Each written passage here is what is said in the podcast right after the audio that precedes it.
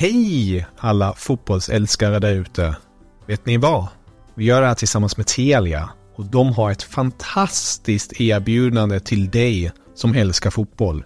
Telia har nämligen ett paket som samlar all fotboll. Och då menar jag just all fotboll. Från Telia, Discovery, TV4 Play och Viaplay för bara 699 kronor. Ni hörde rätt. 699 kronor kan ni få se Premier League, Champions League, Allsvenskan, Bundesliga, La Liga, Serie A. Ja, ni hör. De underbaraste och största ligorna där ute och även här på hemmaplan med Allsvenskan. Så för 699 kronor kan ni se all fotboll och som en liten bonus, det är ingen bindningstid. Så du kan börja streama direkt. Mm, ni hör. Att samla sporten smartare. Det är Telia. Nu fortsätter podden. God lyssning.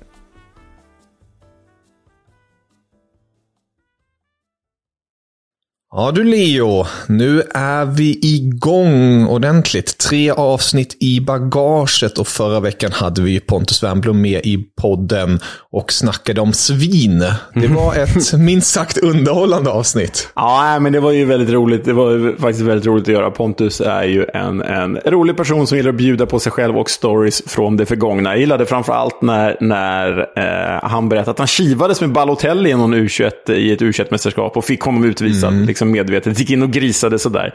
Eh, det är sånt man vill höra. Så nej, eh, det var ett roligt avsnitt att spela in. Verkligen, och ni som inte har lyssnat på det rekommenderar vi varmt att lyssna på det. Och vi har ju fått lite reaktioner på avsnittet och vi ber ju er alltid att skicka in era så kallade lister. För det är alltid kul att engagera er och oss och på något vis hitta ett samspel där. Och jag tänkte läsa upp ett par listor här och så får du i vanlig ordning reagera Leo. Mm, låter bra. Här har vi en lista från Benjamin Stenstrand från Instagram har han skrivit. Hans topp fem. Plats fem. Alla i Liverpool. Alla i Liverpool. Jag antar att den här Benjamin Stenstrand då håller på Everton eller Manchester United. Men, eh, men ja, nej, jag, jag håller inte med. Det var nog bara ett väldigt subjektivt klubbhat som dök upp där. ja. Sen har vi på plats fyra Martinez. Eh, och, och vilken Martinez vi på då? Det finns många. Det är eh, Emi Martinez. Det är då argentinaren om jag inte ja, helt ute och cyklar. Ja, Ja, jag måste säga att det är, bra, det är en bra shout för vilket jävla svin han var i firandet av VM-bucklan. Alltså. Riktigt grisig när han liksom skulle jucka med den här målvaktstrofén och när ja. han gick runt med den här Kylian Mbappé-dockan. Äh, äh, riktigt, riktigt, riktigt svin. Och som håller på på straffarna också. Så, nej, bra, mm. bra. Den, den, den, absolut, det är, en, det är en värdig kandidat till en topp fem-lista. Och Benjamin fortsätter ju här nu. På plats tre, Martinez. På plats två Martinez och på plats ett Martinez. och då, då antar jag att det inte är Xavi Martinez Nej. eller Lisandro Martinez, utan det är bara Det är samma Martinez. Martinez. Ja, men bra Benjamin. Du, vi, vi, vi förstår din poäng där. Kanske lite, lite väl hårt, men visst, bra, bra jobbat. Eh, många, många som shout out Martinez just, eh, med tanke på att VM också var här runt hörnet och han betedde sig precis som du beskrev där. Mm. Men vi har ett par andra här. Simon eh, har en eh, topplista här Eh, inte i nummer, men han har skrivit upp fem namn. Mm. Sergio Ramos. Absolut. Pepe, som definitivt var aktuell i, i förra avsnittet. Ja, vill du höra en sjuk grej apropå de två? Det är kul att du nämner dem efter varandra. Ja. För efter att vi spelade in avsnittet med Pontus så började jag kolla på vilka har fått flest röda kort i historien. Ehm, och då var det någon Uruguayan tror jag som ledde, som hade liksom över 40 röda kort i, i sin karriär. Det är helt sjukt. För tvåa på den listan är alltså alla fotbollsspelare någonsin. Flest röda kort i historien. Sergio Ramos, 28. 28 röda kort i karriären. Shit. Du vet hur många Pep har tagit? Han borde ju ha en hel del. Han borde ju vara där uppe också, eller? Ja, men, vad, vad tror du? Vad är din känsla med Peppe? Hur många jag, har tagit? Jag säger 23. 23. Ja. Peppe har dragit sex röda kort i karriären. Sex? det är ingenting oh, man tror om. Sergio Ramos har 28. Helt sjukt ju. Oh, herregud, en konsten att slippa undan typ. Ja, verkligen. Han är en smart gris och Sergio Ramos är väl en dum gris, helt enkelt. Ja, no någonting sånt. Ja. Eh, Simons lista fortsätter med Diego Costa. Ja, riktigt bra shout. Jag kände, jag mm. såg att någon skrev det också. Den, den hade kunnat vara med, helt klart. Manuel Neuer. Den, den, ja, det är som Pontus sa, alla tyskar är grisar. Det är kanske det, eh, under den kategorin. Ja, men fan nej. Jag tycker Manuel Neuer känns... Nej, jag, jag, jag tycker han snarare känns ganska hyvens. Jag, jag, nej, han känns som en snäll kille. Ja, och sen Zlatan. Ja, men det kan jag köpa. Absolut, det kan jag köpa. Kanske inte på en topp 5-lista, men då skulle vi ha en topp 50-lista så ja, det, ja, visst, varför inte? Mm. Eh, sen eh, bara kort här, Robin eh, skriver Pontus Wernbloom. ja, det, som sagt, Pontus har ju själv att han hade kunnat vara med på en sån här lista, så visst, den, den köper vi in oss på. Men du, Kevin. Eh, eh, jag är sugen på, på att kicka igång det här avsnittet, för en väldigt speciell gäst idag. Ja, en väldigt speciell gäst. Och ni, ni, som eh, läser rubriken vet ju redan att det är vår kollega Olof Lund. Eh, och det är en väldigt rolig lista vi gör med honom. Eller hur, Leo? Ja, den, den, den eh, är ju inte lika hård och spetsig som den var med Värmblom. Men den här är värd att lyssna på. Det här, det här blir ett härligt avsnitt. Verkligen. Olof vet ju hur man berättar. Han har det där i DNA. Men låt oss sätta igång avsnittet.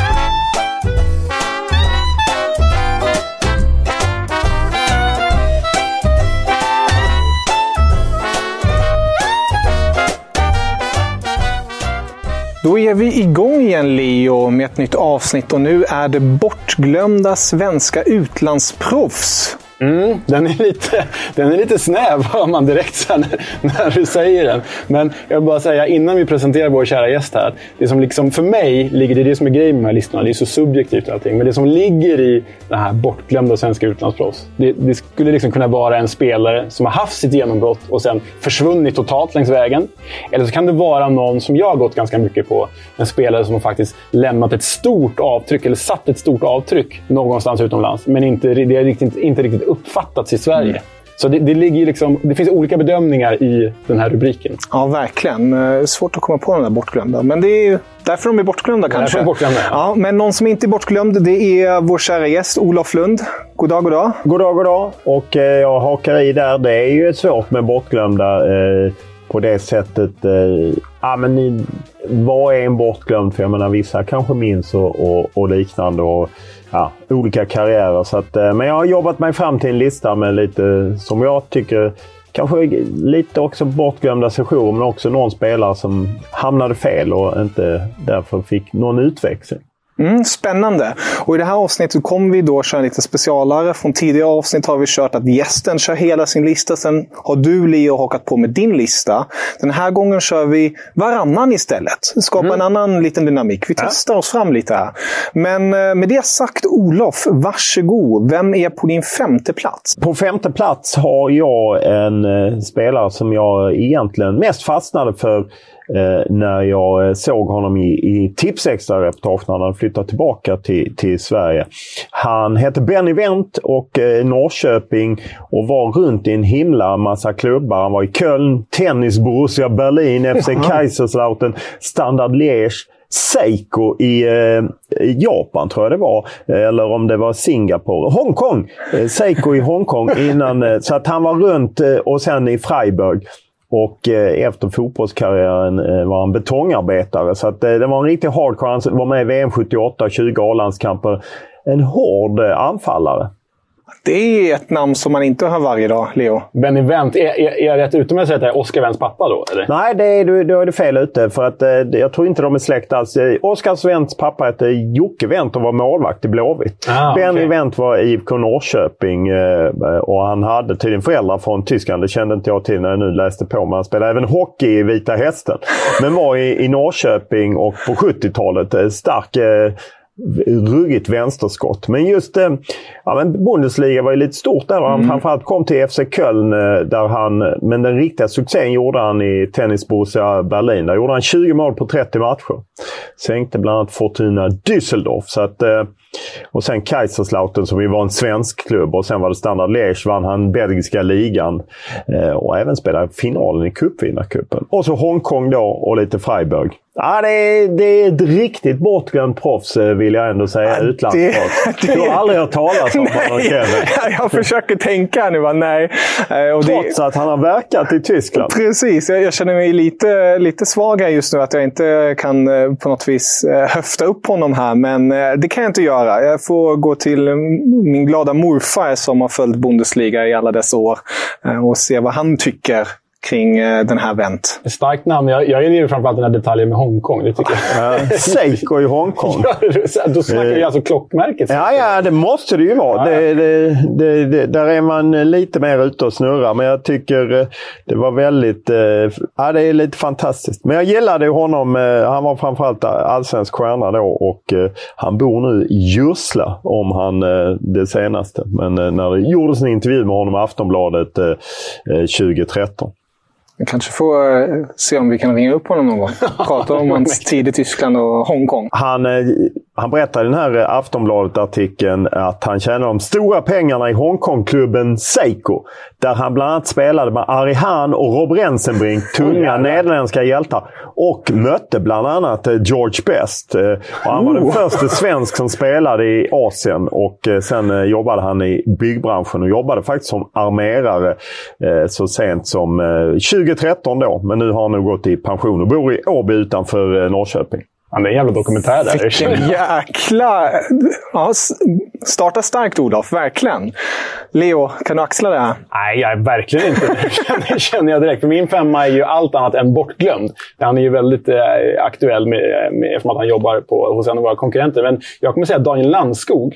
Mm. Och det har liksom mer med hans gärning och eftermäle att göra än hur bortglömd han är. För jag menar, han sitter ju i, i SVT-studion hela tiden, så han, folk vet ju vem han är. Men faktiskt det han gjorde i Stabäck efter en ganska medioker karriär i Sverige.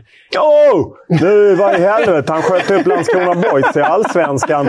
Landskrona Boys toppade Allsvenskan eh, inför VM-uppehållet 2002 och han var glödet. Sänkte HIF. Så jag kan inte hålla med. Han hade länge en medioker karriär i eh, eh, Sverige och spelar ju ändå för Malmö och Djurgården. Men han, var, han är hjälte i Landskrona fortfarande. Det är han, men du ser ju vilket, vilken nyckelring som ligger här på bordet bredvid. Ja, ja, precis. HF. Men eh, han sänkte HF 6-2 eh, matchen. Ja, det, det gjorde han. Nej, men jag sa det lite för att provocera där. Men eh, visst, för Landskrona hyfsat medioker karriär. Mm. Men han kommer till Norge, kommer till ett Stabäck i andra divisionen.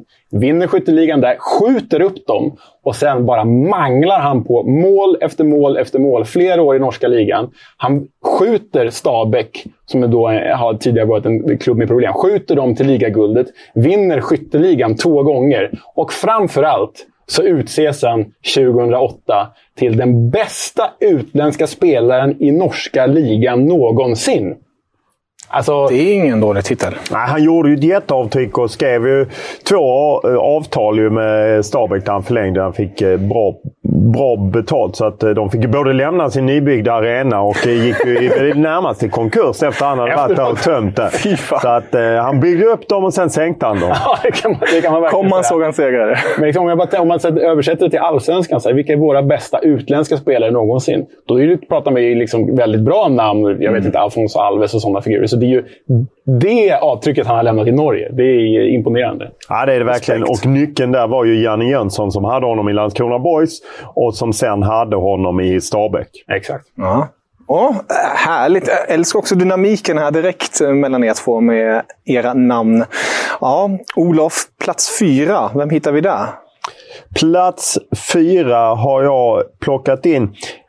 Han är inte heller helt glömd, även om han eh, lite eh, har en lägre profil. Han jobbade faktiskt kollega till oss, men jag fastnar lite på Pelle Blom eh, mm. som ju var eh, i Dalian Wanda, en av de första svenskarna, om inte den första svensken i, eh, jag tror han var den första svensken, de var ju ett par stycken. Jag var faktiskt där och hälsade på honom, det är lite därför jag gjorde reportage 96 eh, för Expressen. Jag gjorde mitt examensarbete Journalisthögskolan gjorde jag även. Jag hälsade på honom och det var väldigt fascinerande att vara där och kolla på fotbollen och så. Och, eh, ja, men han, eh, dels i Dalian Wanda och sen så spelade han nu, gjorde han ett par säsonger i Viking i Norge. Men just det avtrycket ett tag såg vi ändå en del svenskar som åkte till Kina, men han, eh, Jens Fjällström åkte året efter. Eh, det var han och en kille från Motala som jag vet spelade just för Dalian Wanda. Och han har även skrivit en bok om, om sin tid i, i Kina. Så att den kan man scanna upp och läsa.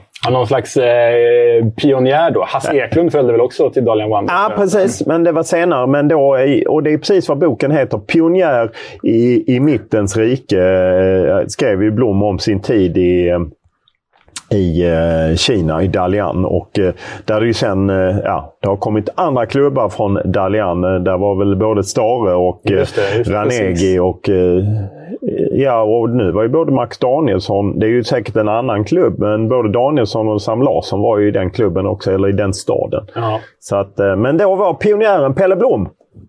Snyggt! Ja, mitt inspel på Pelle Blom är väl att han kanske alltjämt är den person som har jobbat i, i fotbollsmedia Sverige med den bästa rösten. Fantastisk röst alltså. Det är en unik röst. Mm. Mm. Plats fyra. Ja, nej, men den här spelaren var ju... han känns ändå ganska bortglömd. Men ni, ni kommer ihåg Hansa Rostock-svenskarna förstås? Det, ja, det, gör det man ju, liksom. finns ett par. Men ska man räkna upp dem så är det lätt att man börjar med Marcus Lantz, man kommer till Andreas Jakobsson och Peter Wibron. Det är väl de som kommer först och främst. Mm. Andreas Jakobsson. Ja, precis. Men, Arvidsson. Där har vi honom! Arvidsson, fjärdeplatsen. Ja. Mm. Trelleborg och sen Hansa Rostock. Exakt. Och anledningen till att han är med på den här listan, för jag menar, det här, vi pratar om en väldigt begränsad anfallare här. Det är vi väl alla överens om? herregud, du, du, du slaktar ju folk. Eh, och nu är det inte för att han spelat Boys, men han gjorde väl fyra eller fem mål mot Boys i någon match på rekordtid. Var med, oerhört nära att komma med i EM-truppen 2000. Var med i Palermo en av de sista matcherna innan de tog ut och var med och till och med fick sjunga in lägga körsång på den EM-låten. så, så så begränsad var han inte. Nej, nej jag menar han spelade i Bundesliga i flera år. Det är det jag vill komma till. Här. Ändå Hansa. Han är alltså Hansa Rostocks mesta målgörare i Bundesliga-historien. Och det är ett avtryck. Det är bara 27 mål och de har bara spelat 11 säsonger i Bundesliga. Men, men ändå, han är där liksom. Det, det, han är etta i historieböckerna just nu för Hansa Rostock i Bundesliga. Och då har vi ju spelare som Oliver Neville och Kölns nuvarande tränare Steffen Baumgart på den där listan. Ja, fler mål än dem. Liksom. Ja. Så det, det, jag, jag, tycker ofta att man pratar med Hansa-svenskarna så pratar man om Jakobsson och Wibron och Lantz. Mm. Men det var ju faktiskt Arvidsson som kanske stod ut allra mest. Ja, han hade ett jävla salt bockskägg också, eh, minns jag. Jag tror han kom från eh, eh, uppe Bjärehalvön eller utåt där. Eh, Förslöv eller något liknande. Och innan han då gick till, Trelleborg. Han gjorde just tre mål på två, men under två minuter för IFK Hässleholm i en match mot eh, Landskrona Boys. Det är mycket HF för dig. Du, han började ju karriären i HF. Ja, sen Hässleholm och Trelleborg. Hansa. Och sen Halmstad BK. Det hade jag glömt. Och sen var han i HF igen. Mm. Förslövs IF. Eh, det är våra kollega Axel Pileby har sina lite rötter i Förslövs IF. Det var det jag tänkte. Det är en stad där på Bjärehalvön. Ja, kul! Bra info. Pileby kommer ju gästa den här podden också. Mm. Topp fem Förslövs-legendarer. Precis. Vi får se vilket ämne han får ta tag i. If you thought the only way to get a more defined jawline with natural-looking results was through surgery, think again. Juvederm Volux XC is a non-surgical injectable gel filler that improves moderate to severe loss of jawline definition and can help you achieve natural-looking results with little downtime. Even better, this improved definition lasts up to one year with optimal treatment. No maintenance required. Improve jawline definition for a smooth, sculpted look with Juvederm Volux XC. For important safety information and to find a licensed specialist, visit juvederm.com. That's J U V E D E R M.com. Not for people with severe allergic reactions, allergies to lidocaine, or the proteins used in Juvederm. Common side effects include injection site redness, swelling, pain, tenderness, firmness, lumps, bumps, bruising, discoloration, or itching. There's a risk of unintentional injection into a blood vessel, which can cause vision abnormalities, blindness, stroke, temporary scabs, or scarring. Talk to a licensed specialist to find out if it's right for you. Olof, nu kom vi upp på prispallen, plats tre. Plats tre, och det här är ju liksom lite personligt, men jag... Eh, en som kanske är den svensk eh, som är kanske mest okänd av de svenskar som har vunnit Champions League eller Europacupen. De är ju inte så många. Det är ju Ove Kindvall och Kurre Hamrin, Björn Andersson, Henrik Larsson, Patrik Andersson, Jesper Blomqvist och så är det Conny Torstensson som ju jag gjorde en podd med i våras och jag jag kände ju till Conny men jag kunde inte hela hans historia. Åtvidaberg när de var ett storlag och Facit pumpade in pengar. Värvades till Bayern München och var ju, spelade ju två Europacupfinaler. Var skadad den tredje. De vann ju tre raka Europacupfinaler på eh, 70-talet. Och eh, sen lite i Zürich och var med i VM-truppen både 74 och 78. Ja, men en gigant som egentligen är lite bortglömd eh, upplever jag. Att det, Björn Andersson har ju varit mycket mer tongivande i debatten och snackat. Och Ove Kindvall, Kurre Hamrin är också större namn. Eh, så därför, jag menar, han gjorde 40 landskamper, 7 mål och eh, ja, två VM-turneringar. Och Bundesliga-titel, tre Europacup, världskuppen, eh, två allsvenska titlar, ett par eh, stora eh, svenska kuppen och eh, ja, stor grabb som det heter. Verkligen. Jag lyssnade på det avsnittet när det släpptes. Jag tycker det är verkligen värt att lyssna på. Jag, jag har ju följt Bayern München väldigt mycket och den tyska fotbollen i stort. Men eh, jag visste inte just hans story på det sättet. Så det var väldigt eh, häftigt att få leva hela den karriären på 70-talet i Tyskland. När Tyskland, eh, nu är jag ju inte subjektiv, det är ju objektivt, när de var som bäst och störst. Ja, nej, men de vann ju VM-guld 74. Exakt. Och jag menar, hela laget var kryllade ju mm. av världsmästare och han spelade otroligt mycket. Framförallt han, han gjorde mycket mål första vägen fram till första titeln. Mm.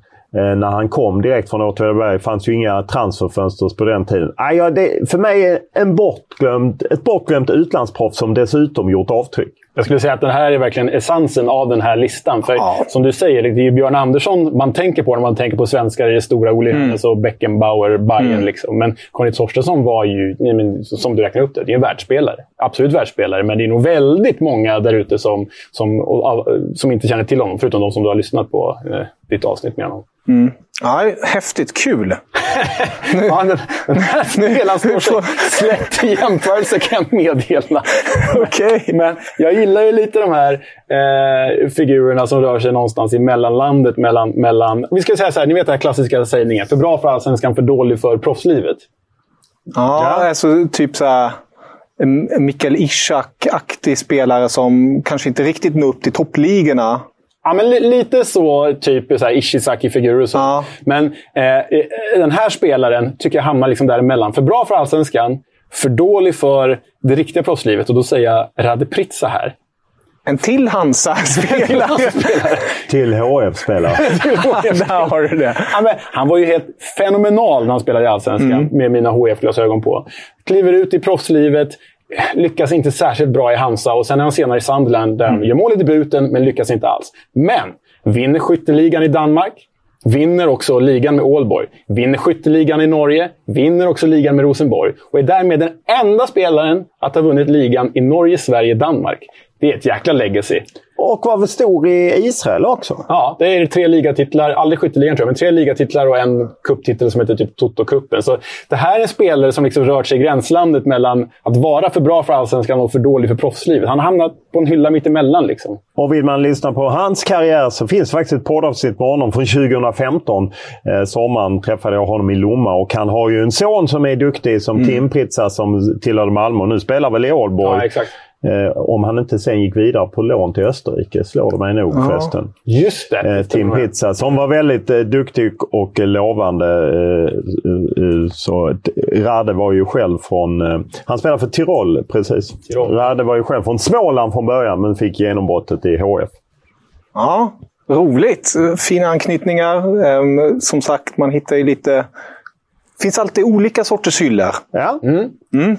Olof, plats jag, två. Ja, jag går på en ny pionjär. En eh, spelare som eh, Ja, men har brutit ny mark på väldigt många sätt eh, och eh, hon eh, blev Sveriges första utlandsproffs. Pia Sundhage, Lazio 1985. Sverige hade ju vunnit EM-guld. Det enda guld Sverige har vunnit på damsidan 84 och hon blev proffs 85. Och det finns en fin artikel som Jennifer Wegerup har skrivit när de pratar om hennes tid i, i Lazio och liksom, ja men hur det ändå var rätt enkelt men att hon inte kunde tacka nej till, till möjligheten möjligheten att komma ett år och eh, ja, men spela och, och eh, leva som proffs helt enkelt. Idag är det ju vanligt på, på damsidan men även där bröt hon en ny mark. Och, eh, Italien har alltid varit, jag vet, eh, de ville ju värva bland annat eh, Hanna Marklund. Det var ju en herrklubb, om det var Perugia eller någon, som ville värva Perugia, Hanna ja. Marklund och eh, Victoria Sandell, eller Victoria Svensson hette hon på den tiden, efter VM 2003. Men eh, Pia Sundhage var först, numera förbundskapten för eh, eh Brasilien. Men ja, häftigt. Jag tycker hon är häftig på det sättet och att hon bröt ny mark. Det, det är ju verkligen och har på många sätt blivit ansiktet för den, den liksom svenska damfotbollens fram, framgångar i Sverige. på mm. ja, men Inte bara modern tid, utan dåtid också. Sen tycker jag det ligger något slags, någon slags kontrast i att hon ska spela, spela för Lazio. För det är ju det, är, det är två yt, ytterligheter här när det kommer till politiken, om man ska blanda in den också. Ja, verkligen. Ja. ja, hon ligger långt ut till vänster om man säger så. Ja, det. Det, det gör inte Lazio. Nej, jag tror inte hon vägde in det då 1985. Men hon kom in på GH86 läser jag i Wegerups artikel. Och därför blev det bara ett år i, i Lazio. Och, eh, hon menar att det ändå var liksom, de var långt efter eh, vad de var i Sverige. Och då hade de inte kommit jättelångt i Sverige heller 1985. Ja, det är ju häpnadsväckande. Otroligt. Ja, ja. Då snackar man om att vara pionjär. Ja. Ja. ja, verkligen. Efter det gick hon till Hammarby, tror jag. Ja. Leo, Ja, eh, den här spelaren såg jag aldrig spela själv, för det var långt före eh, min tid och långt före er tid också kan jag säga. Men en bortglömd fotbollsikon. Jag vurmar ju för fransk ligafotboll mm. och då mm. måste jag ta med Gunnar Säffle Andersson i eh, Marseille. Okej. Okay. En stor fotbollsdominant på 50-talet i Marseille. Och när jag säger stor, då är det en underdrift. Han gör alltså 194 mål på 250 matcher för OM. Vinner aldrig ligan, men vinner cup och sådär. Och eh, det gör honom än idag till Marseille. Och det är alltså egentligen Frankrikes största klubb. Egentligen större än PSG när vi liksom pratar om supporterstöd och sådär. Det gör honom till deras mesta målskytt genom tiderna. Mer än Papin, mer än Mamadou Niang och vad alla andra heter. Och han hyllas ju än idag. Så sent som 2019 så hade de ju på Stade Velodrome en hel kortsida med svenska flaggan och med hans namn och med, med, med hans ansikte som tifo. Så Gunnar Säffle Andersson, enormt bortglömd. Han fick ju aldrig sitt riktiga erkännande i svensk fotboll. Spelade ju inte i landslaget och sådär.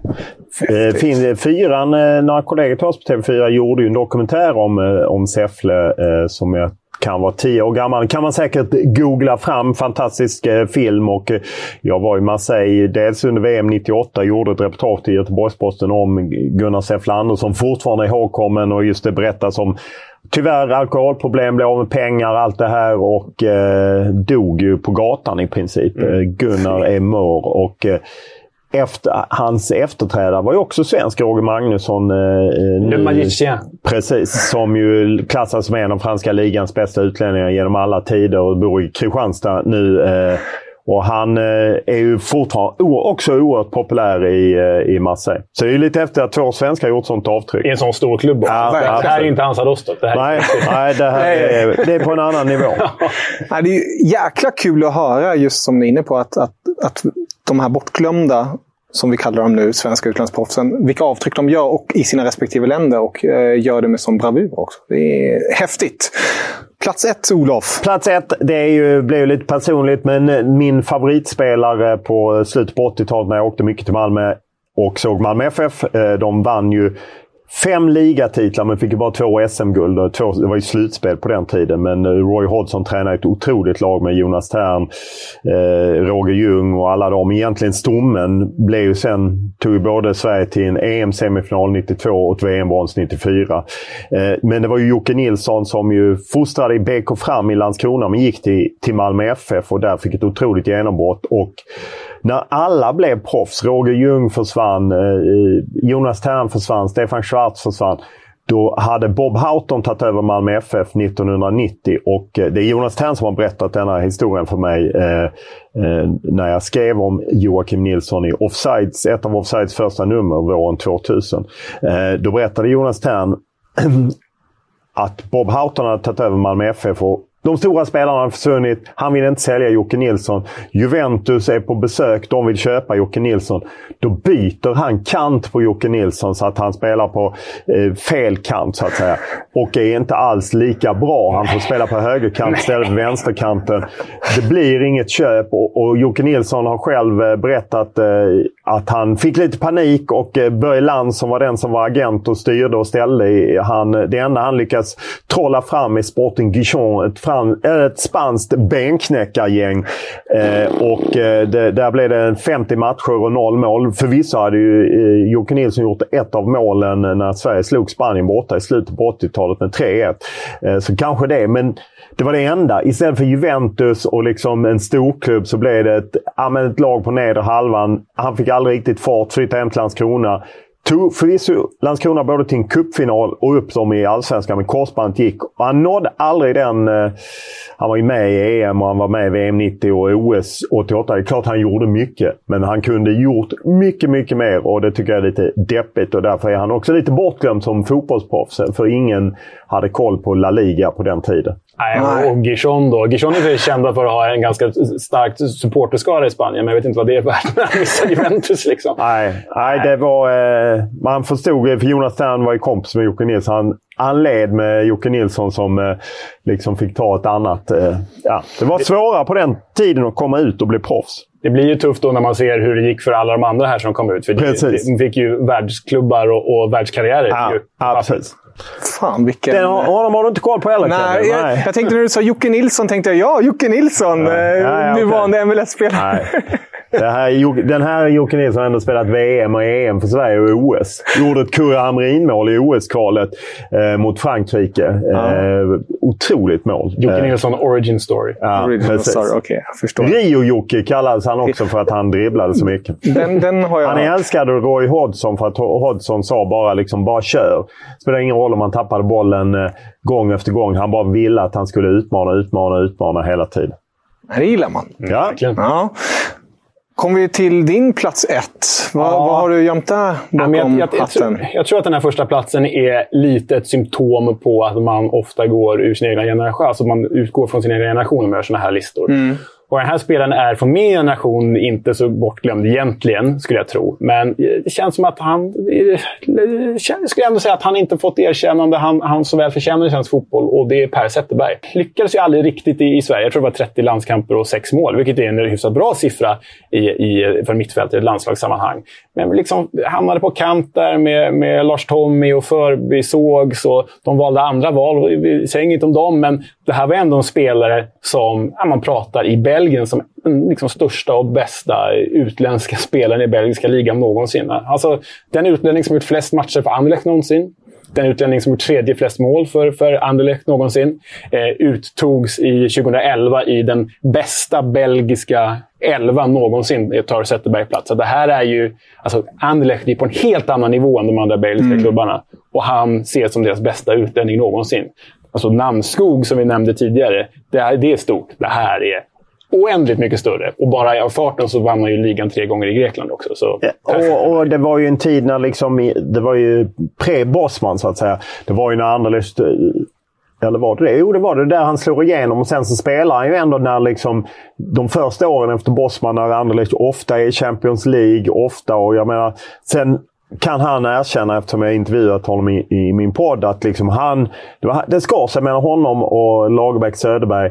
Och han tar ju lite ansvar själv. Han var lite barnslig. De var lite liksom låsta i hur de skulle spela. Mm. Det fanns inte plats för en en sån tekniker och en dribbler på det sättet. Och han hade också han hade ju spelat VM 94 om han inte blev skadad. Han blev skadad precis före VM 94, så missade det. Så blev det faktiskt aldrig något slutspel för honom. Han är ju med i kvalet upp till EM 2000, men han åker inte ens med på segerfesten när Sverige klarar det. Åker han hem, det är, Sverige går till EM via en seger i Luxemburg. Han åker hem till Bryssel med sin farsa. Mm. Och sen efter det, de hittade aldrig rätt. De frågade honom faktiskt inför VM 2002 i Olympiakos. Då kom eh, Lagerbäck ner till honom, men eh, ah, då var han inte intresserad. Det Aha. hade liksom gått för långt. Tåget hade gått. Ja, tåget hade gått. Men en mm. enorm spelare. Och sen var han tillbaka. Dels hade han ju son som spelade i Falkenberg. Han engagerade sig i Falkenberg, sin gamla moderklubb Falkenbergs FF. Mm. Och sen var han ju tillbaka i Anderlecht och jobbade i den sportsliga ledningen. Men fick ju sluta för några år sedan. Ja, De har ju haft det väldigt tungt eh, sportsligt, minst sagt. Men han var en gigant verkligen. Det var verkligen. Fick ett sånt genombrott så att Expressen gjorde en serie. Jag tror att det är 93, 92 eller 93 när han får sitt genombrott i landslaget. De gör en serie som hämtade ur tidningen Buster. Ja, för alla som är ja. Yngre så vet de kanske inte. Men det, bara det minns man. Liksom, att han var verkligen the golden boy där. Och, ja, det här unga fräscha namnet som kom fram som alla älskade att eh, läsa och, och uh, höra om. Verkligen. Ja. Kanske Brolin utan att få den statusen. Liksom. Ja, ja, håller med. Fin, fin jämförelse. Ja. Jag tror att en, en annan spelare som är aktiv just nu, Kristoffer Petersson, kanske kan bli en sån här bortglömd svensk utlandsproffs. Där snackar vi någon som, på tal om genombrott, som vi nämnde i början, här, genombrott ja. och sen bara försvinner. Det, Precis. Lite som Kacaniklic hade då ett tag också. Ja, det, ja, det, Han är ju just nu i Fortuna Düsseldorf och gör sina poäng i, i Zweite Bundesliga. ja, är en spelare som försvann. Ja. Olof, jätteroligt att ha med dig och höra din lista. Mm, kul Ett att eh, vara med och eh, höra, höra om eh, Leos lista och lite reagera Ja. på dem och eh, leva upp. Eh, Fotboll är ju en del nostalgi och att det Precis. var- kan vara kul att, minnas tillbaka. Man blir väldigt mycket präglad av det. Men just att jag inte har koll så mycket på Conny Torstensson för det var för tidigt för mig. Medan Jocke Nilsson och sådana gjorde avtryck när jag väldigt följde fotbollen på ett annat sätt som supporter med. Ja, det är det ju så. Det är Ja, det är- emotionell fotboll. Nostalgi är halva grejen. Ja, precis.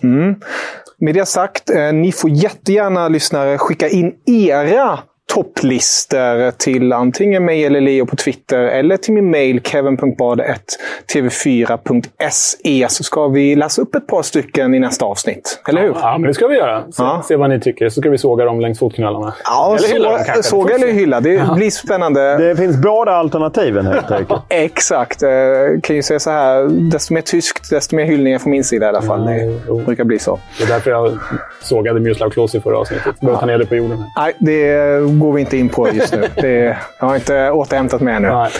Men eh, med det sagt, sköt om er. Och tusen tack igen Olof. Tack själv. Auf Wiedersehen. Hej, hej.